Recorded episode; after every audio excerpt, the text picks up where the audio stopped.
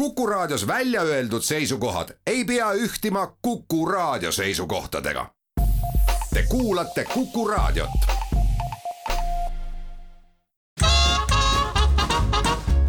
jäljed gloobusel tervist, oktoobrikuu keskpaik ja selgroog on murtud, aga meie peame vastu, Väints ja Karu on taas kord istunud Kuku raadio mikrofonide taha ja tervitavad teid siin rõõmsal näoilmel. suur tere ja, ja sellekordses saates jätkame Iraani reisimuljete selgroo murdmist jah, sellepärast, et eelmine saade läks nagu, nagu niuhti, kuna meile Väntsiga mõlemale Iraan tohutult meeldib. me oleme kumbki oleme seal käinud ühe korra, Karu aastal kaks tuhat kümme ja Väints aastal kaks tuhat seitseteist, aga muljeid on nagu sellest ajast eh, nii palju ja nii palju tahaks nagu teiega jagada, et eh, eelmine saade tõepoolest oli niisugune nips ja läbi ta saigi. jätkame sealt, kus me mingis mõttes nagu pooleli jäime, me ei jõudnud äh, paljudest asjadest rääkida, aga tuletame mõned faktid meelde, et noh, et üks fakt on see muidugi, et Iraan on tohutult suur maa, Väints ütleb teile kohe numbrid sinna juurde ka jaa, aga enne kui ma numbrite juurde jõuan, ma ikkagi ütlen ära selle toreda soovituse või isegi võiks öelda hoiatuse, mis on Välisministeeriumi lehel Iraani kohta ja see on siis, soovitame täielikult riiki reisimist vältida, samuti vältida reisimist Iraaniga või Iraagiga piirnevatel aladel. alkoholi pruukimine on Iraanis keelatud ja uimastitega seotud õigusrikkumiste puhul on karistuseks surmanuhtlus mis on iseenesest selline tore sissejuhatus igasse põnevasse riiki. Welcome to Iran. just ja, ja eh, saatkonda pole mõtet sealt otsida, küll on seal aukonsul eh, olemas, kellele, kelle juurde võib siis minna, kui mõned, mõned mured eh, vaevavad. aga Iraani suurus on üks koma kuus miljonit ruutkilomeetrit ja, ja piirneb ta siis Aserbaidžaani, Armeenia, Türgi ja siis Iraagiga nii-öelda selle Kurdistani tunnustamata ala kaudu Türkmenistaniga, Afganistaniga, Pakistaniga ja vett on üleval ja all, mis tähendab seda, et põhja poolt on ta otsapidi Kaspia meres ja altpoolt siis Pärsia lahe ja India ookeaniga seotud ja Iraanis elab kaheksakümmend kuus koma seitse miljonit inimest ja nagu me siin eelmine kord juba natukene rääkisime, siis on Iraan absoluutselt teistsugune, kui esmapilgul meile mõlemale karuga tundus. aga veel olgu öeldud Iraani kohta seda, et Eh, meie tavapärast kalendriaega ei ole mõtet sealt otsida. kahe tuhande või tähendab, kahe tuhande kahekümne teine aasta on seal alles kauge tulevik, sest praegu Iraani kalendri järgi eh, on käimas tuhande neljasaja esimene aasta, eh, islami kalendri järgi tuhande neljasaja neljakümne neljas aasta ja, ja no. aastavahetust ei tasu ka saluut käes sinna õigel ajal, kolmekümne esimese detsembri õhtul ootama jääda, vaid see toimub kevadisel poori, pööripäeval mm. -hmm ja lisaks siis äh, äh, minu, minu äh, välja otsitud fakt, noh, ma tahan ka mingi fakti panna, et siis ja gaasivarudelt on Iraan maailmas teisel kohal ja naftavarudelt kolmandal kohal, nii et noh, igati arvestatav on seal selle, selle ütleme, kilbi all on ikka, mis see mingis mõttes need mäed ja, ja siis selline umbes kilomeetri kõrgusel olev kivikõrb, mis on niisugune keskmine kõrgus seal umbes on, et seal kilbi all on siis üsna palju peidus erinevaid maavarasid ja põhiliselt on nad vedelal kujul. vot aga Iraanis äh, muidugi, et me, me nüüd põgusalt oleme rääkinud nagu sinna sissesaamisest eelmises äh, saates kuidas me viisa üldse sai, mis seal esimese hooga silma hakkas, mis kohe nagu teistmoodi oli. Väints, kas seal, kui te juba ühel hetkel nagu ratta nagu korralikult pöörama saite, et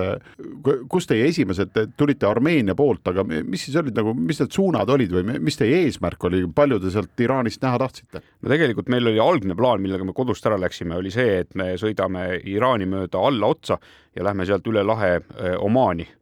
ja äh, see plaan läks selles mõttes rikki, et kui me lõpuks äh, ikkagi õnnestus need äh, Iraani viisad kätte saada, siis tuli välja, et seal oli sisse kantud väike klausel, et see pädeb ühekordseks sisenemiseks. Ehk siis me oleks saanud küll lahkelt üle lahe Omaani sõita, aga tagasi Iraani enam ei oleks saanud sõita. Ja siis oleks pidanud juba läbi teiste põnevate riikide, kaasa arvatud Iraak hakkama sealt siis kodu poole tulema, aga see ei tundunud väga ahvatlev. ja, ja siis esimestel päevadel tegelikult sai juba selgeks, et Iraan on päriselus oluliselt suurem kui see, mis kaardi pealt vastu vaatas ja, ja, ja teed on tänu sellele mägisele alale ikkagi sellised kõverad ja suhteliselt aeglased. et siis me tegime oma, oma plaani selliselt ümber, et alguses plaanisime suure ringi sõita ümber Iraani, vaadata, mis seal põnevat on, aga, aga mingil hetkel meile ikkagi öeldi, et ärge sinna päris Pakistani piiri äärde minge. Ja, ja seetõttu me siis sealt kuskilt altotsast äh, India ookeani äärest poole riigi pealt keerasime siis ninad otse põhja, et, et jõuda lõpuks välja ka siis sellele nii-öelda automatka ja nirvaanasse liivaluidetele, mida noh, üllataval kombel erinevalt näiteks sellest pildist, mis Iraani kohta silme ette kangastub esimesel mainimisel, leiab neid liivatüüne ainult sellisel suhteliselt pisikesel alal keset Iraani ja, ja võib-olla ka natukene lähevad nad sealt äh, ida poole, aga ülejäänud on siis selline klassikaline kivikõrb, kus äh, liivatüünidest pole mitte midagi. millised need äh, niisugused asulad ja suuremad linnad olid üldse, mis tee peale teile jäid? no see meie reisi formaat tegelikult on selline, et ega me suurtele linnadele väga palju mingit erilist aega ei kuluta, kui nad just parasjagu meil tee peal on ja, ja meil on vaja käia, et siis me, siis me vaatame, et seal proovisime küll mõnele hiigelsuurele turule pihta saada ja, ja, ja sellised väiksed imetabased linnad nagu Just ja, ja, ja siis Teheran või Tehran, nagu nad kohalikud ütlevad, noh, proovisime ikkagi pihta saada, aga aga, aga suures osas see, kipub eh, sellisel automatkal, kus alati on aega pigem puudu kui üle, eh, kujunema selliseks eh, meeletult aega kulutavaks ja aegasöövaks külastuseks, et, et, et seetõttu pean ka tunnistama, et tegelikult on plaan sinna ühel ilusal hetkel ikkagi tagasi minna ja, ja nendesse suurematesse linnadesse rahulikult ringi vaatama hakata, küll aga me käisime ära ka seal kohe, kui Armeeniasse või see, mis Armeeniasse, Armeeniast tulles Iraani sisse jõud, siis keerasime mõne aja pärast kohe paremale sinna kurdide ala peale ja, ja käisime seal vaatamas, missugust elu seal elatakse ja, ja peab näiteks tunnistama, et et kui eh, Iraan on siiamaani mul meeles kui kõige sõbralikema ja kõige külalislahkemate inimestega riik üldse, kus ma siiamaani käinud olen siis, äh, siis see äh, Kurdistani osa oli seal äh, veel suurema külalislahkusega ja, ja noh, seal jäid kuskil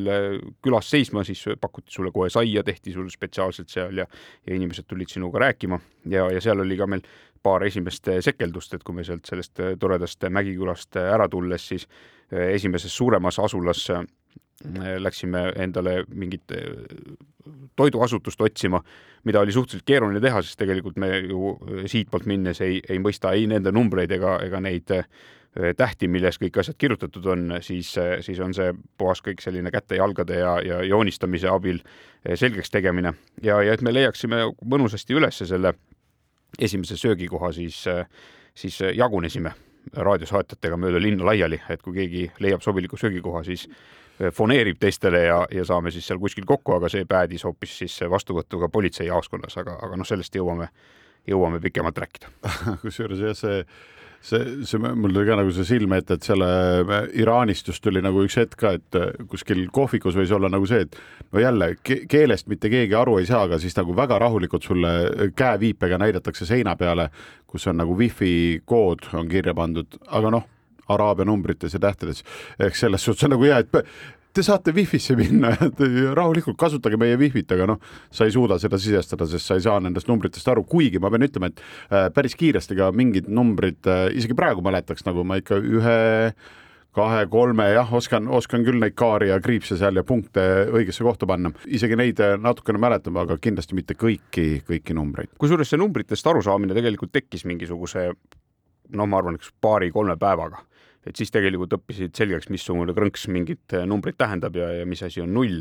ja, ja nii-öelda äh, autonumbreid oskasid juba käigu pealt lugeda ja, ja hindasid äh, ka erinevate teadete tahvli pealt, aga, aga no muu alfabet jäi, jäi siiamaani ikkagi, on jäänud mõistmatuks. me, meie grupi jaoks oli, me olime siis, korra sai eelmine saade mainitud ka, et me olime kuuekesi, neli meest ja kaks naist, et olid Siivi ja Airi ja siis olid Andero, Toomas, Aare ja Karu ja siis me kuuekesi, meil oli selles suhtes nagu leebem, noh ke, keeleoskust ei olnud nii palju vaja, sest me, me olime selle Araasi tuuri nii-öelda äh, inimesed endale appi palganud, kes siis meile kõik piletid ja muud asjad ja hotellid ja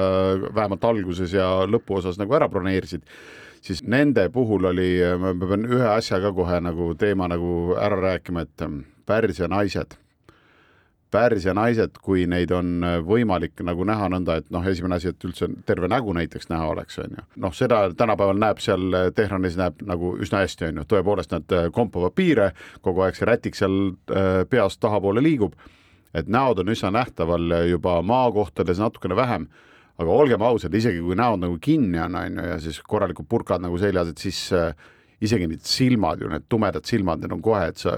vaatad sealt sellest eh, silmapillust nagu näed nagu läbi ja need silmad, mis sind vaatavad, need on ikka nagu, need on nagu must nagu ma ei tea, idamaa öö. ja, ja, ja siis, kui nagu neid piire nüüd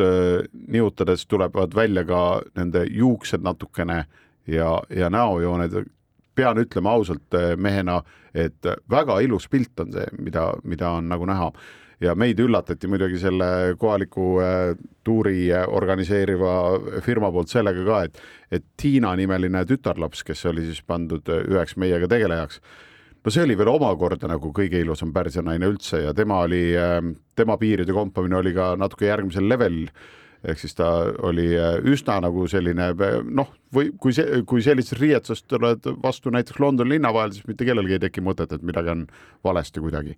Ja no tõesti imeilus ja hea suhtleja ja kõik niimoodi, et no me olime nagu kõik kuus olime lummatud, mitte ainult mehed, vaid naised ka olid nagu täiesti võlutud äh, Tiinast, aga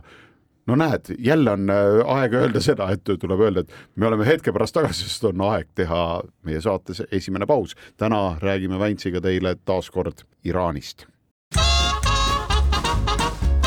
jäljed gloobusel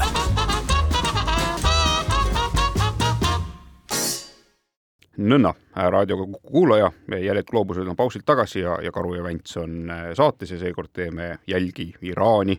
Ja, ja Karu jäljed on ikkagi sellised, mis enamasti kipuvad mäest üles minema ja, ja tõenäoliselt oli ka Iraanis sinu üks suuri eesmärke seal see kõrgema tipu vallutamine no ikka jah, ja Tamavand on selle nimi ja viis tuhat kuussada seitsekümmend üks meetrit kõrgus, noh väga palju. ikkagi niisugune tõsine mägi, jah? nojah, teda on väga paljuski võrreldud Elbrusega, mis on siis Euroopa kõrgem tipp, asub äh, napilt siis seal äh, mõnusasti äh, Kaukaasias Venemaa ja Gruusia piiril on ju, on kolmkümmend meetrit jämedalt siis madalam, viis tuhat kuussada nelikümmend kaks on Elbrus. Nende vahe on siis see, et nad mõlemad on vulkaanid, vahe on see, et Iraan on ikkagi nii palju soojemas kliimas, et seal äh, ikkagi niisugust igijääd ja lund on seal tipus äh, äh, mõni üksik väike laigukene, mis suvel ära ei sula. Elbrus on ikkagi ülevalt otsast nagu vägagi kaetud liustiku osaga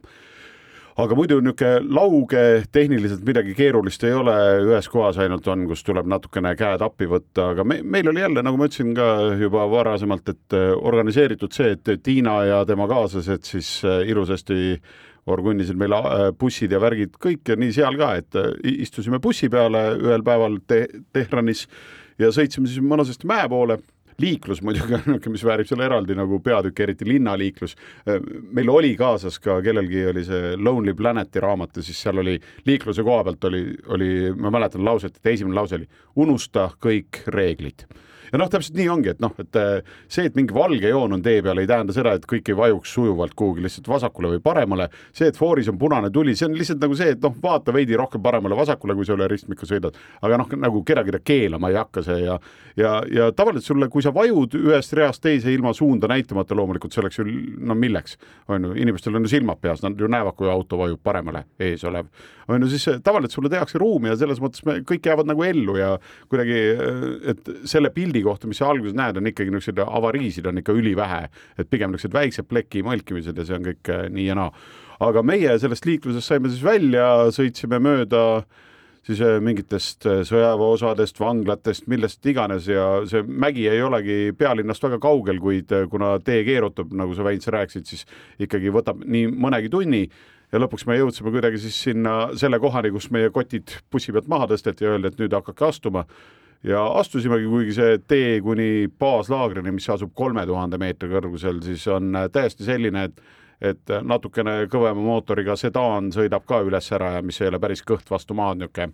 driftimiseks mõeldud masin on ju, et sellega tegelikult on võimalik sinna baaslaagrisse ära sõita, mis jah, kolme tuhande meetri peal ja seal on väike mošee,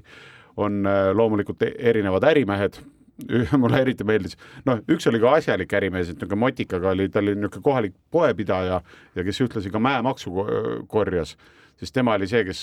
noh, tuli, et vot umbes viiskümmend dollarit näost tuleb nüüd mäemaksu maksta ja siis me küsisime, et ahah, et mille eest see on ja kuhu see läheb. no see on selle jaoks, et me hoiame seda mäge siin korras ja siis ma ütlesin, et kuule, et siin teel üles me ei näinud nagu kuskil, et nagu Äh, kõik prügi on nagu igal pool laiali ja põlenud autovrakid on tee ääres ja et äh, ma nagu eriti ei näe, et siin korda peaks. no aga tuleb ikka maksta seda ja siis ma ütlesin, no jaa, aga ma ei tea, et mille eest, kuhu see raha siis ikkagi läheb, kui te ütlete, et korda peate, aga mingit korda ei ole. Ja siis ei no põhimõtteliselt me võime ju kutsuda ka politsei ja siis te ei saa üldse mäele minna, mille peale me ütlesime, et kuule, aga väga hea meelega maksame selle viiskümmend dollarit näost ära ikkagi ja läheme sinna mäe peale. Ja noh, saime jälle sõpradeks onju, et noh, kauplemine neile üldiselt meeldib ja siis järgmine mees, kes meie juurde tuli, oli vend, kes küsis, et kuule, et kuuekesi, et mitu muula teil siis vaja on ja kas homme või ülehomme, et millal ülespoole liikuma hakkasite, hakkate? ma ütlesin, et ei, kuule, et meil pole siin ühtegi muule vaja, et äh, siin me ise tassime oma asju. ütles ei, ei, siin ei ole kunagi, et Tamavand, oi, Tamavand on kõvem kui teie ja ei jaksa ise midagi tassida ja, ja palju siis vaja on, onju. siis ma ütlesin, ei, tõesti, päriselt ei ole vaja ja saime tast nagu mõneks ajaks lahti ja siis ta tuli teist korda tagasi, me seletasime talle ikka ära, et ei, kuule, päriselt me ei võta, et me, me aklimatiseerumise käigus viime kõik asjad üles, et polegi vaja ju rohkem üles viia kui üks laager, et nelja tuhande kahesaja meetri kõrgusel on nii-öelda tipulaager, ehk siis ainult sinnani tuleb oma telgid ja värgid ära viia ühel hetkel, onju ja vend oli ikka nii järjepidev, et järgmine hommik oli jälle kohal, kui me hakkasime nagu esimest korda ülespoole minema ja jälle tuli oma muula jutuga ja siis meil oli, kuule, puhka jalga noh, et aitab küll, et me päriselt ka ei võta ja meie taktika siis oligi see, et viisime nelja tuhande kahesaja peale ühel päeval asjad ülespoole, tulime kolme tuhande peale ööbima, tegime puhkepäeva vahele, siis läksime nelja tuhande kahesaja peale ööbima ja siis käisime tipus ära ja siis laskusime kolme tuhande peale päris hoogsalt ah,, veel nelja tuhande kahesaja peal peale tippu muidugi magasime veel tipulaagris ja siis sealt tulime juba ühehooga alla. aga selle mäe, mäe peal, mis, mis ma sealt nagu mäletan, on see, et meil, kuna Airi meie pundis oli noh, täiesti doktorikraadiga ja et oskab oskab igasuguseid, ähm, lisaks sellele, et oskab äh, lõualuusid kokku panna ja hundikurgu korda teha nii-öelda, siis lisaks sellele ta teab üldisemalt ka meditsiinist palju ja temal oli siis kaasas ka see tark aparaat, mis näitab hapnikusisaldust veres ja siis me pidasime igasuguseid tabeleid ja vaatasime, kuidas näidud on, on ju, et noh, mis ma oskan öelda, et inimesed noh, nii-öelda kui sa oled nagu merepinnal, siis on äh, ligi sada on see inimese nii-öelda see hapnikusisaldus, ükskõik mis asjades seal, mis seal taga on, on ju, ma seda täpselt ei tea, aga ligi sada, see on üheksakümmend üheksa, üheksakümmend kaheksa on ju. mägedesse lähed, siis on tegelikult, kui enam-vähem kaheksakümmend on, siis on okei okay ülespoole liikuda ja meil siis oli ikkagi see, et eh, enam-vähem seal kaheksakümne ümber kõik olid, on ju, mõned olid ka vahepeal üle üheksakümne, aga ma mäletan, et ikkagi tipupäeval näiteks Aarel läks ikkagi nii kehvaks, et alla tulles tal oli niisugune kuuskümmend viis oli noh, mis juba on nagu selline, et kuule, nüüd lasku ikka edasi allapoole, et ära siia kõrgemale nüüd kauemaks jää. veidi petlik mägi selle koha pealt, et ta tundub hästi lihtne, kuna ta on vulkaanlauge, siis eh, sa võid minna sinna üles, nagu tunne on vahel nõnda, et võiks juba kiiremini, lähme homme juba, mis me siin ootame, mis me aklimatiseerume aga tegelikult selle üleval on üks halb üllatus on ka päris lõpus, et hakkad juba jõudma sinna vulkaani tippu, väikse kraatri äärde. me teadsime seda ette, aga seal on niisugune, tuleb üsna palju, ta ei ole päris nagu, päris nagu magama jäänud vulkaan, vaid neid väävliaure sealt ülevalt tuleb just mingitest pragudest seal kraatri juures tuleb päris hoogsasti välja ja kui sa oled nagunii, käid oma punase lähedal nii-öelda ja, ja hingeldab päris kõvasti, siis ühel hetkel on see, kus sulle viskab mingit pahmaka nagu väävliaure näkku, siis on nagu see, et enamus inimesi niisugune paarkümmend meetrit enne tippu jõudmist on nagu kummuli maas ja köhivad ja ägavad ja hingeldavad ja, ja, ja see pilt on kohati isegi noh, natukene mõne puhul on ta ka niisugune, on ohtlikuks nagu läinud aga meie jõudsime sinna, noh, tipupäeval oli ka, kokkulepe oli, et kuna ei ole tegemist niisuguse ohtliku mäega, kus peaks väga üksteise lähedal olema, et siis igaüks läheb omas tempos ja kuidagi meil oli, et me seal koos naistega, mina siis tiksusin natuke eespool, siis tulid Andero ja Aare kahekesi ja siis kõige lõpus tuli Tom, kellel lihtsalt tol ajal veel te tempo oli natuke madalam, nüüdseks ajaks on tema tempo oluliselt kiirem kui ükskõik kellel meist seal grupis, aga noh, tol hetkel tal oli jah, niisugune natuke madalam tempo, et meie jõudsime siis nagu äh, Airi ja Siiviga seal äh, tipus olla päris kaua jollerdada, siis ühel hetkel tundsime, et kuule, nüüd võiks tagasi minna. et äh, laskume, et vaatame, et ju nad tulevad meile varsti vastu. Ja siis nägime, et ahah, et tulevadki Andero ja Aare. aga Aare näost oli näha, et et see oli ikka suht hall ja niisugune, ma igaks juhuks palusin, et kuule, jääme natukene igaks juhuks kauemaks, et doktor, jää ka. Et mine tea, mis siin hakkab äkki nagu imelikke asju tegema Aare meil. Ja siis äh, jäime natukene kauemaks sinna tippu ja, ja ma proovisin sealt kokkuvõttes nagu äh, tegelikult äh, äh, kokkuvõttes kolm korda laskusin sealt, sest esimest korda oli see, et hakkasime laskuma, siis tulid Aare ja Andero, läksime üles-tagasi. siis kui teist korda laskuma hakkasime, siis oli, tuli üks niisugune ligi kuuekümnene Iraani proua koos oma mehega ja tema sattus nagu eriti niisuguse hea pahvaka selle väävliauru kätte. ja siis ta hakkas selliseid hääli tegema, et nagu sõna otseses mõttes tekkis hirm, et ta sureb nüüd kohe ära. Ja siis äh, ma lihtsalt sekkusin, kuigi ma olin väga kõhevil selles mõttes, et ega seal moslemite maailmas nagu võõra naise külge käe panemine ei ole niisugune igapäevane asi. elustamisest ja suust suhu hingamisest rääkimata. just nimelt, aga noh,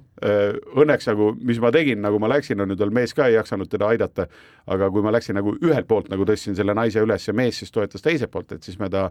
mehega kahekesi tõime ta sellest äh, väävlipilvest, tõime nagu välja, vedasime tippu, kus oli värske mõhk, on ju, ja see oli kuidagi niisugune ka tuulevari ja päris mõnus, mõnus nagu istuda, siis äh, oligi nõnda, pärast mida nii mees kui mina ka loomulikult olime niisugused, istusime maas ja lõõtsutasime päris pikalt ja siis see mees tuli ühel hetkel minu suunas ja mul korraks oligi nagu see, et okei okay,, et mis nüüd on, et nüüd antakse kannaga näkku või ma ei tea, kinžalliga, ma ei tea, kuhugi äh, kahe, noh, kahe, kahe, kahe lihase vahele või noh, mis iganes, kahe ribi vahele aga ei, selgus, et äh, ta siiski tuli hoopis tänama ja siis äh, tänu avaldas, kuna me keelest kumbki aru ei saanud teineteise keeles, siis tänu avaldamine sealmaal äh, meestevaheline käib niimoodi, et pannakse parem põsk vastamisi, siis pannakse vasakud põsed vastamisi, siis pannakse uuesti paremad, ehk siis kolm korda pannakse nagu nii-öelda tehakse nagu musi, aga noh, tegelikult põsk vastu põske, nii et ta tegelikult tuli tänama ja oli väga-väga tänulik, et ta, et ta naise siis nii-öelda kehvast kohast üle, üle aitasin, et vot selline hetk oli. Ja siis laskusime allapoole. Äh, lõpuks tuli ka Toomas tuli meile vastu, küsisin, kas ootan su ära, siis ta rahulikult naeratas, ütles ei, mul on kõik korras, mul on keps ja mul on kõik asjad, et et ma saan ilusti alla, et altimeeter ja kõik asjad, et ta teadis, mis kõrgusel ta on, kus kohas ta on, mingit probleemi nagu, et isegi kui pimedasse jääb, et ei ole ja ja, ja nii täpselt oligi, et kõik kuuekesi käisime tipus ära, kogunesime nelja tuhande kahese peal laagris ja järgmine päev siis võtsime suuna sealt välja, et et selline kindlasti julgen soovitada, kes on Elbruse otsas ära käinud, sellel ei tohiks olla probleemi ka Tamavandi otsa tõusta ja see on siis niisugune paarkümmend meetrit kõrgem, nii et meil oli ka, et kuuest neli ehk siis Aare, Airi, Siivi ja Andero kõik neljakesi tegid ka Tamavandi peal oma uue kõrgusrekordi küsin siia lõpetuseks veel ära sellise asja, millisel ajahetkel või millises nii-öelda, mis aastaajal te seal otsas käisite? see oli september, kui ma ei eksi, siis kaheteistkümnes september oli see, kus me tipus olime, ütleme niimoodi, et Tamavandi otsa ronimiseks nagu parim aeg on siis ütleme siis kuskilt juuni keskpaigast kuni septembri lõpuni välja, et see on nagu ideaalaeg, aga põhimõtteliselt sinna saab tõenäoliselt aastaringselt lihtsalt äh, mingid ajad on, kus sul peavad kindlasti kassid kirkad ja igaks juhuks omavahel seongus olema ka ja, ja see, see vahe on, aga üsna selline sõbralike mägede hulka kuuluv mägi ja täpsustuseks ütlen veel, et kui esmapilt on Iraanis selline, et see on suur kõrb, siis tegelikult talvisel perioodil sinna minnes, siis ülemine kolmandik sellest riigist on suurel lume all. nii et telkimisega läheb raskeks, kui sul on suvevarustus kaasas. me oleme mõne hetke pärast taas kord tagasi jäljed gloobusel.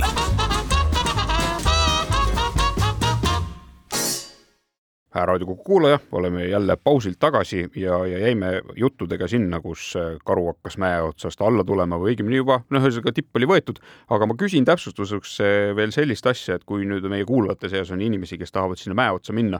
siis kuidasmoodi seda protsessi alustada, on seal mingisuguseid tuure korraldatakse, tuleb sinna lihtsalt ise kohale minna ja siis hakata koha peal hääletama või, või millised on need eeltööd ja, ja, ja asjad, ka peab arvestama? jah, seal tegelikult äh, ei ole midagi väga keerulist, et äh, ta ei ole selles mõttes kommertsmägi, et sa peaksid enne broneerima midagi või midagi tegema, et sa, sa võid ka täiesti nagu meiegi minna koha peale sinna kolme tuhande peale laagrisse ja maksta ära oma selle, noh, see ei pruugi enam viiskümmend dollarit olla, on ju, see mäemaks maksad selle ära ja siis hakkad toimetama. aga noh, soovitav on siis äh, natukene enne uurida või kasvõi ma ei tea, minu raamatust saab ka lugeda, esimesest raamatust, mida küll poelettidel enam ei ole, aga kuskilt äh, leiab, leiab üles äh, äkki kuskilt raamatukogust. et seal on ka üsna siis kirjeldus, kuidas meie käisime, nii et saab sealt ka infot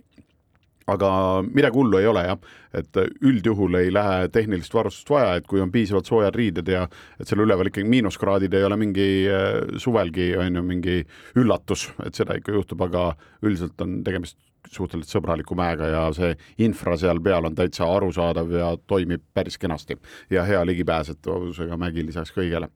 aga sealt jah, me tulime ära ja me, meie siis äh, jälle oli buss vastas ja jõudsime siis äh, jõudsime Tehrani, kus me saime siis Tiina käest uudise, saime sellise, et,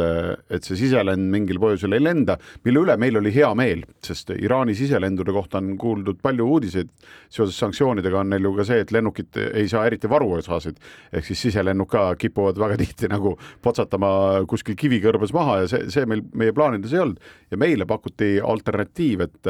et on üks, neil on olemas buss ja bussijuht, kes on valmis siis meiega tegema niisuguse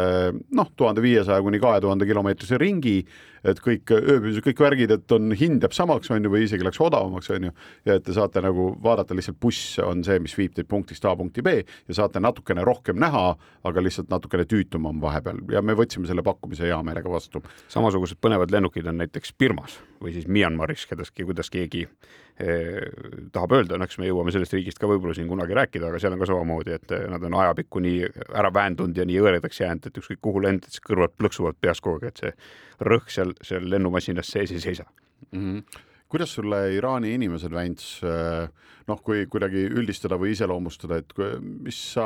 esmapilgul mäletad neist? ma jään ikkagi selle juurde, nagu ma siin vist juba ka põgusalt eelmises ja selles saates ütlesin, et, et selles riigis elavad eh, minu reiside põhjal kõige sõbralikumad ja kõige külalislahkemad inimesed üldse. Et, et see on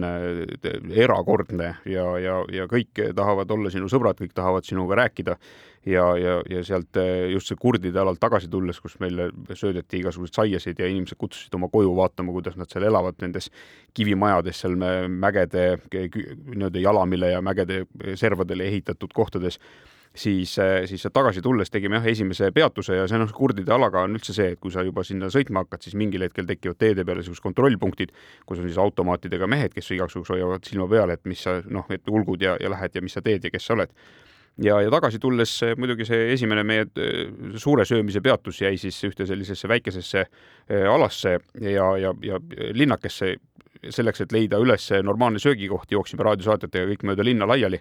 ja, ja, ja loomulikult jäime kohe siis raadiosaatjatega vehkides seal silma kohalikele kordnikele. aga enne, kui meid kordnikud kokku korjasid linna pealt ja, ja enda juurde toimetasid, siis, siis sai seal läbi elatud üks selline põnev kogemus, millelaadset varasemalt polnudki. see oli siis nii, et nii kui autost välja tulid, nii kohe oma teistsuguse välimusega äratasid tähelepanu ja, ja hoobilt kogunes minu ümber umbes kakskümmend kohalikku meest Eh, kes siis sumisesid ja olid kõik sellised sõbralikud ja uurisid ja, ja rääkisid oma keeles midagi ja mina proovisin inglise keeles neile siis vastata nii palju, kui, kui oskasin, aga, aga noh, ütleme keskustelu ei tekkinud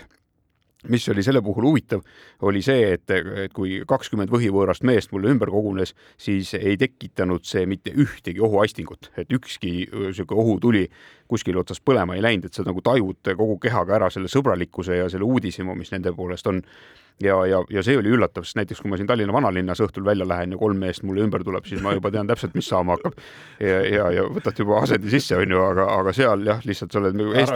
asendi. meeste, meeste karja, eh, karja seas ja, ja sul nagu ükski eh, nii-öelda ohutunnet tekitav meel ei, ei liigu, mis on täiesti fantastiline. näiteks Havanna tänavatel ma olen kogenud umbes samasugust, samasugust kogemust, kus keegi, keegi ei tahagi sulle midagi halba teha. Ja siis see, see uudishimu, mis neil on, on muidugi eh, kirjeldamatu, et, et noh, mingil hetkel nad hammustavad läbi, et, et sa nendest mitte midagi aru ei saa ja, ja nemad sinust mitte midagi aru ei saa. Ja siis aja peale leitakse külast kähku mingisugune mees, kes natukene inglise keelt tonkab. Ja, ja kui see mees kohale tuuakse, siis see pannakse sinu ette seisma ja ülejäänud mehed moodustavad siis sellise järjekorra tema taha, onju, ja, ja seisavad järjekorras ja siis küsivad kiit-, selle tõlgi käest küsimuse, tõlk küsib sinu käest küsimuse, noh, küsivad, et no mis püksid sul jalas on või, või et, et kust sa pärit oled ja, ja miks sa siin oled ja ja siis küsib oma küsimuse ära, saab vastuse, siis läheb sinna rivi taha jälle järjekorda seisma, et äkki saab veel ühe küsimuse küsida ja siis seisad seal tänaval ja, ja nii ma seisin ja vastasin siis sellele, nendele tõlgi esitatud küsimustele nii, kuidas oskasin. Kuni siis jah, mingil hetkel tulid kordnikud, kes olid meid kinni püüdnud, meie, meie saadikud sealt raadiosaatjatega, see tundus kahtlase, jube kahtlane, et kurdide alal mingid, mingid imelikud vennad seal raadiosaatjatega vehivad. Ja, ja siis muidugi meeletu keelebarjäär, keegi kellestki jälle midagi aru ei saanud ja siis igaks juhuks politseimees siis käis, vaatas meile autodesse, aga noh, meil olid äh, nii-öelda tahvelarvuti peal suured kaardid jooksid seal onju, mille järgi navigeerida. Ja see tundus neile täieliku müstilisena, et, et mismoodi niisugused mehed on siin suurte autodega onju ja, ja siis mingid maa, noh, hiigelsuured kaardid on autodes onju, et raudselt mingi kahtlane kontingent. Ja, ja ei olnudki midagi, tehti nii palju selgeks, et nüüd tuleb neile järgi sõita, sõitsime politseijaoskonda, seal siis äh, korjati äh, ära kõik meie, meie dokumendid ja öeldi, et nüüd oodake, noh ja siis käisime siis äh, seletasime, kõigepealt oli, tekkis küsimus kohe, et, et näidake oma turistilitsentsi. Ja, ja meil oli, jäi väga arusaamatuks, et mis asi see turistilitsents on, mida me näitama peame hakata, et keegi polnud turistilitsentsist meile mitte midagi rääkinud. Ja, ja, ja peale pikemat uurimist selgus, et turistilitsentsi justkui vaja ei ole. Noh, siis oli järgmine probleem, et miks teil on äh, autodel välismaa numbrid, et miks teil Iraani numbreid pole. ütlesime, et noh, et me välismaalt autodega tulime ja, ja keegi meile Iraani numbreid ei andnud, noh siis tundus, et see on ka nagu mingisugune suur jama, et meil nüüd on valed numbrid autodel, et, et, et vähe sellest, et litsentsi pole, pole ka nagu õigeid numbreid. noh, siis lõpuks saime ikkagi kokkuleppele, et kõik on ikkagi jälle õige ja, ja siis noh, tänati lõpuks ja öeldi, et kõik on ära kontrollitud, et te olete õiged mehed ja head matkajad olete ja, ja, ja jätkake matka, et see, et me teid praegu kinni pidasime, see on siis noh, teie enda turvalisuse huvides, et te olete lihtsalt sellisel territooriumil, et igaks juhuks peame silma peal hoidma. ja, ja siis tuli ka välja, et tegelikult see info, et me sinna oleme sõitmas, pidi kuskilt erinevatest eh, nendest eh, peatuspunktidest või nendest kontrollpunktidest jõudma kogu sinna piirkonda. et mingid turistid on siin, aga kuna seda infot polnud jõudnud, noh, seetõttu nad siis eh, leidsidki meid justkui nagu mingisugusest salapärasest kohast ja teist korda, kui meid ühe korra jälle kuskilt linna pealt kokku nopiti, siis ka toimetati meid politseijaoskonda, korjati passid ära ja öeldi, et oodake proovisime küll seletada, et meid on juba korduvalt kinni peetud, et vaadake kuskilt järgi, et me oleme täitsa nagu adekvaatsed inimesed ja turistid ja, ja meil litsentsi pole ja autodel on ka välismaa numbrid, aga kõik see on juba kontrollitud ja, ja me oleme juba teatud-tuntud inimesed siin Iraanis. aga noh, see ei, ei mõjunud midagi ja siis lõpus öeldi, et nüüd tuleb natuke oodata, kohe tuleb, kohe tuleb tõlk. siis mingisuguse tunni pärast lonkis kohale tõlk, kes, kes noh, ütleme nüüd siin raadios on keeruline seletada, milline ta välja nägi, aga noh, ta oli nagu umbes kaks nädalat järjest joonud, selline mõnus võsavillem, sellised mhm. viigipükstega, mis olid selliseks läikivaks kulunud ja, ja põlved välja veninud, niisugune sada aastat jalgpalli. ja, ja tuli siis kohale ja, ja siis küsisid, ah, kas turistid, ütlesime vast turistid, kas teil passid on? ütlesin, jaa, passid on seal laua peal. ahah, kas teil on viisad ka? meil on viisad ka. kus viisad on? seal passides, mis on seal laua peal ahah, vaatas passi, ütles selge, kõik korras, head teed. ja, ja, ja oligi see, see seisak meil ka lõppenud, et, et me saime oma reisi jätkata ja noh, see, see sõbralik, ükskõik kus me seisma jäime, kõik tulid kogu aeg rääkima, kõigil oli hästi huvitav, et me seal olime. küsime, mis seal oli, kui meil tekkis ka olukord, kus meil ei saanud seal lõunapiirkonnas tankida ühes tanklas tänu sellele, et me olime unustanud selle vägeva kaardi sealt piiripunktist piiri ületades küsimata siis, äh, siis me leidsime, lõpus keerasime mingisugusesse tehnoparki sisse, kus suured autod seisid ja, ja proovisime siis diislit joonistada paberi peale, sest noh, üksteisest keegi midagi aru jälle ei saanud. siis üks kohalik mees ütles, et, et tulge minu järgi, et ma enam-vähem tean, kus tas diislit on. ja, ja sõber pidas tal äh, siis küla keskel väikest poodi ja seal oli siis nende äh, tonniste plastvaatidega millel need metallist võrgud ümber on, sellega oli siis mingil põhjusel selle ukse kõrval tal suur diisliladu ja, ja kurnas meil kõik paagid täis andis veel igasuguseid asju peale ja keeldus absoluutselt sellest, et, et mingisugust tasu selle eest võtta või midagi, et ütles, et te olete eh, külalised ja, ja, ja, ja see on kõik teile tasuta siin, et olge tublid. ja mis muidugi Iraanis sai veel selgeks, oli see, et et see, kui sa käid kuskil midagi söömas või küsid, et mis mingi asi maksab, siis, siis nende nii-öelda see külalislahkuse uhkus eh, lubab neile öelda ainult, et mitte midagi ei maksa on ju. tore tulid, et see meiepoolne külalis lahkus ja, ja ole nüüd lahke ja ja tule järgmine kord jälle, et, et siis viisakas on kolm korda küsida, et mis see asi maksab ja siis kolmandal korral öeldakse sulle, et, et nii palju on, et kui sa nagu esimese korraga minema jalutad, siis sa tõenäoliselt ei jäta endast nagu väga head muljet, aga kui kolm korda oled küsinud ja, ja siis kolmandal korral öeldakse, et vot see tõesti maksab nii palju ja, ja siis saad nii-öelda nagu ausa inimese kombel sellest situatsioonist lahkuda. ai, kus ma praegu pidin tagasi kerima kõiki neid kordi, kus minul jäi nagu mulje, et noh, pagan vasta nüüd lõpuks ometi, mina ei teadnud, et kolm korda peab küsima, me piirdusime ühe või kahe korraga. siis kui keegi ütles, et ei maksa, siis me lihtsalt mõnikord loobusime sellest. aga see, et kolm korda peab küsima, siis alles läheb teemaks, issand, kui hea, hea nagu info edaspidiseks, sest äh, nagu öeldud, Iraan on selline riik, kuhu tahaks kunagi veel tagasi minna. me oleme hetke pärast äh, tagasi ka Kuku raadio eetris või podcasti eetris, oleneb, kus te meid kuulate. Äh, täna räägime Iraanist, Väints ja Karu on mikrofonide taga. jäljed gloobusel.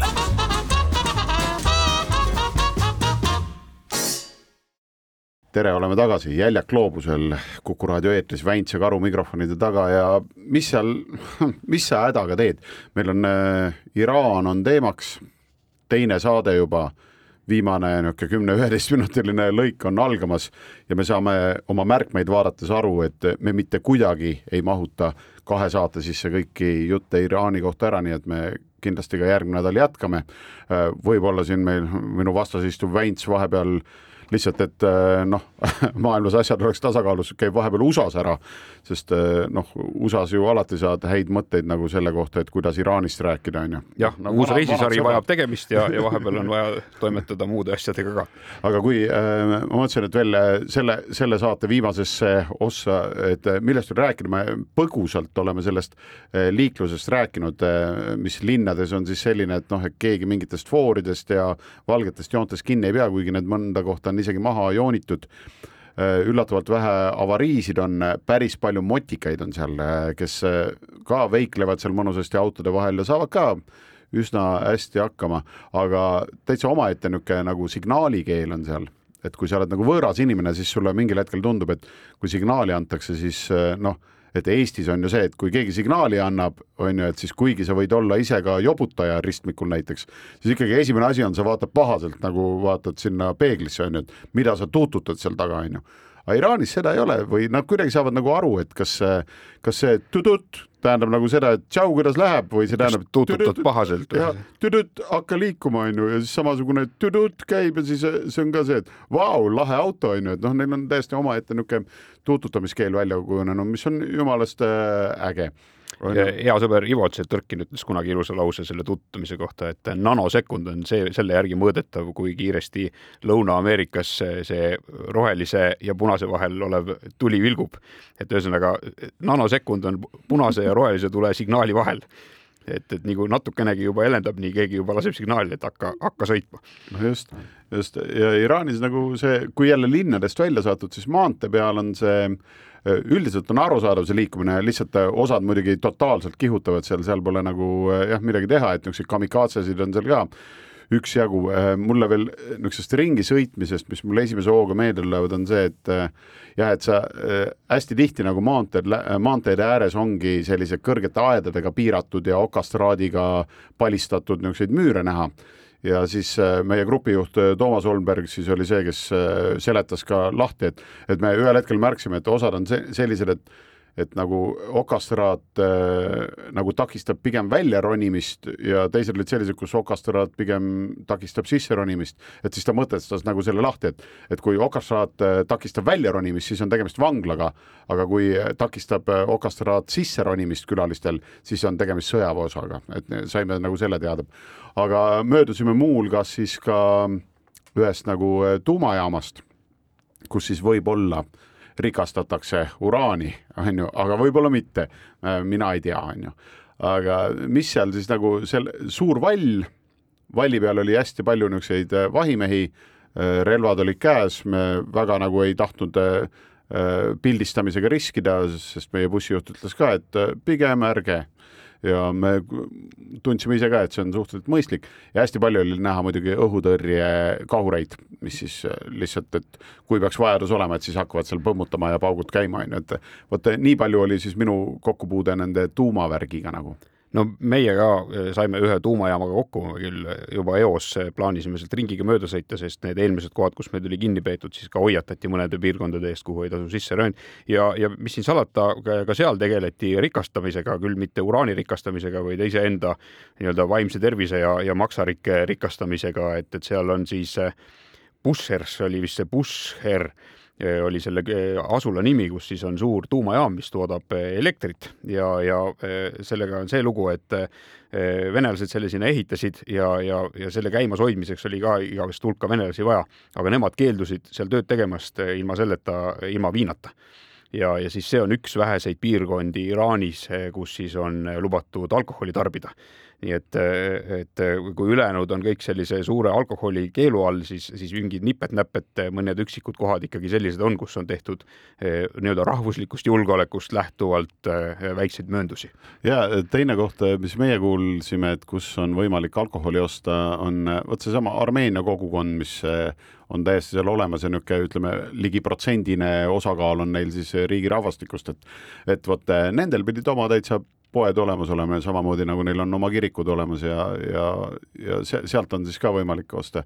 aga muidu jah, ka alkoholiga me, mis, mis ma oskan öelda, saab ikka, ütleme niimoodi, et kui sa suudad nagu usaldust müüa, on ju, ja ikka äh, hull õlleisu on, siis kuskil turu peal nagu vaikselt äh, vaatad mõne nooremapoolse tüübi, kes äh, võib-olla tegeleb millegi müümisega ja teed temaga vaikselt juttu ja siis noh, alguses võidakse isegi nagu öelda, et ei, ei, mis te lõpetage ära, aga mingil hetkel ikka ta läheb ligi ja ja temaga on võimalik äh, pusinessi ajada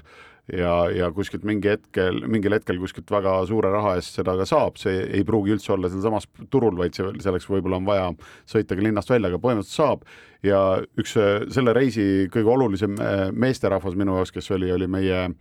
meie nii-öelda bussiringile just kaasa tulnud bussijuht, kelle nimi oli Mihti. Mihti oli selline noh, umbes niisugune viiekümnene mees äh, äh, suhteliselt lahja kehaehitusega, kui meie teiste kõigiga võrrelda ja, ja niisuguse intelligentse äh, prillide tagant silmavaatega ja väga hästi inglise keelt rääkiv tüüp, tema kaudu me saime tegelikult kõige rohkem üldse Iraani kohta teada. Ja kui nüüd see alkoholi teemat veel korra sisse tuua, siis ongi, ta ütles, et noh, noh, ta jõudis muidugi nende päevade jooksul, mis me suhtlesime, jõudis ka selleni, et ega ta väga tõsiuskne moslem ei ole ja ega talle need noh, valitsuse otsused ka väga ei meeldi ja nii edasi, aga konkreetselt alkoholi koha pealt ta rääkis, et ei no mis, et noh, ega siin on kõigega nõnda, et et ei tohi alkoholi juua, te arvate, et noh, et me, meil nagu mõned veinipunnsuud ei mulksu või? et viinamarjadest me veini nagu üldse ei tee või? Ikka teeme. mahla ikka pahaks läheb. jah, ikka läheb jah, just nimelt, et kuskil seal mahlatünnide vahel mõni teine on ka, on ju, ja mulksub nagu ilusasti. mis te arvate, et me siis ei joo neid ära või, et siis valame maha või? ei, noh, kui uksed on kinni ja majas sees on ainult omad inimesed, siis me joome ka seda veini näiteks mingitel perekondlikel tähtpäevadel. ja, ja et kui sa küsid, Andres, et et, et, et miks meil siin ainult mehed omavahel tantsivad, siis vot, et valitsus on öelnud, et niimoodi ainult tohib, et mehed omavahel tantsivad. aga mis sa arvad, et kui uksed on kinni, et siis, et me vahepeal ei tantsi ka oma naistega või? ikka tantsime, aga siis on uksed kinni ja siis mitte keegi teine ei saa sisse tulla, ükski koputaja ega keegi teine. ja, ja mis sa arvad, et kui Satt TV on keelatud, et siis näiteks minu tänaval on ühel pool neli maja ja teisel pool kolm maja, kokku seitse maja viie katusel on tegelikult äh, satipannid nii-öelda, et satelliiditaldrikud äh, seitsmest viiel majal ja ilusti võtavad nagu taevast kõiki kanaleid, vaatame neid ilusasti, loomulikult tänaval kõndides ei ole neid satipanne näha. Neid on näha ainult siis, kui ülevalt drooniga peaksid üle lendama, on ju näiteks, või lennukiga.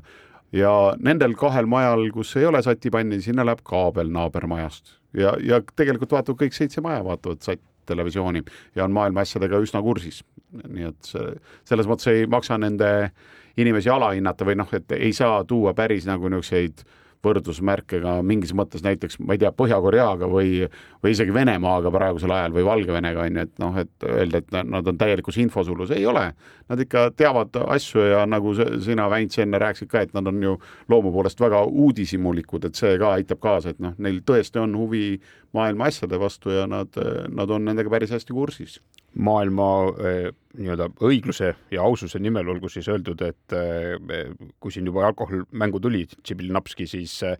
minul oli seal kaks kokkupuudet, üks oli see, et kes näiteks peab alkoholivabast õllest lugu, siis kõikides poodides on peaaegu kogu maailma valik. Alkoholivaba õllesid olemas, aga no kaua sa ikka jaksad.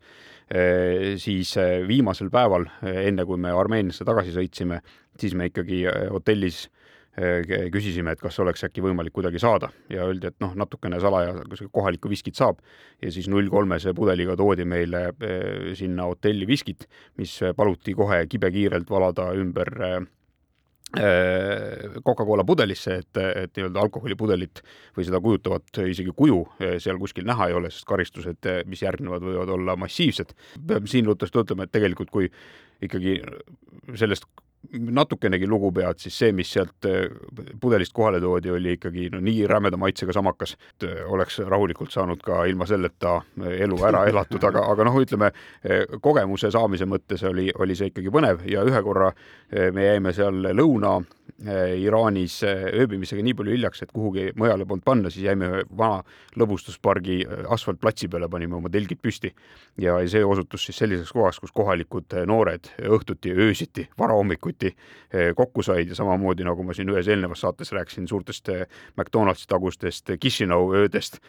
kus muusika mürtsus, siis see oli täpselt samamoodi, kõik tulid kohale, igaüks lasi autost oma tümakad, kes puhus pasunat, kes tagus trummi, muud moodi, kes ennast väljendas. Ja, ja no ilmselgelt selgelt eh, häälte järgi sealt telgist kuulates eh, toimus millegi manustamine või millegi suitsetamine, nii et, et mingil hetkel läks kõik seal eh, väga ülevaks, aga noh, ütleme seda julgust ei olnud, et oleks läinud kedagi manitsema seal, sest konflikti tekkides oleks nagu selgelt teiseks jäänud. nojah, selle, mul tuleb ka meelde, et kuidas me siis matkakaaslase Aarega sõitsime, seisime ühe ühe Kazan, niisugune linn on seal Kazani suurel ristteel ja vaatasime, kuidas nad üksteist sodiks ei sõida siin ja kuidas see liiklus toimib ja siis äh, tol ajal ma suitsetasin, siis ma tegin suitsu ja siis, kui äh, jäi meie kõrval äkki üks niisugune tumedate klaasidega masin seisma ja taga, tagumine aken lasti alla, mille peale tuli tore niisugune rohelise pulbri lõhna sealt ilusasti suitsu, suitsu kujul välja, et popsutasid seal mõnusalt ja siis tüüp nagu vaatas mulle otsa ja ütles ehtsas äh, puhtas inglise keeles, et sa suitsetad nii nõrgalt, you are smoking so weak ja siis ma ütlesin, nojah, mis teha ja siis ta ütles selle peale, et ma tegelikult annaksin sulle, aga olgem ausad, sulle tulevad sellest suuremad probleemid kui mulle. Ja nii see mingi äri ajamiseks nii-öelda ei läinud ja üldse teema, teemat ei tulnud, aga seda, seda seal tehakse ja pigem siis ma saan aru, et sellele vaadatakse läbi sõrmede, alkoholile väga läbi sõrmede ei vaadata. kuid meie aeg on täiesti otsas. jälle oleme, saanud läbi, jah? jah, kaks saadet oleme juba Iraanis teinud, ei pääse me kolmandastki, sest lugusid on veel palju rääkida ja ma usun, et see riik intrigeerib ja me, äh, intrigeerib teid või siis teistpidi väga meeldib teile samamoodi nagu Väntsile ja mulle, nii et kohtume oleme ju mõlemad seal veel teinud oma ringkäigud ja, ja rääkinud linnadest ja asjadest, nii et eh, loodetavasti on ka Iraan igavesti põnev ja tegelikult olgu etteruttavalt öeldud, et see ei ole üldse nii kinnine keskkond, et, et sellised matkahuvilised inimesed on ikkagi leidnud tee sinna varem ja leiavad ka tulevikus, nii et kogu jutt on igati vajalik. just, kohtume nädala pärast ja kes mujalt ei saa, kuulake meid podcastist ja hoiame teid sündmustega kursis ka meie Facebooki lehel Jäljed gloobusel. kõike kaunist ja püsige avarad. jäljed gloobusel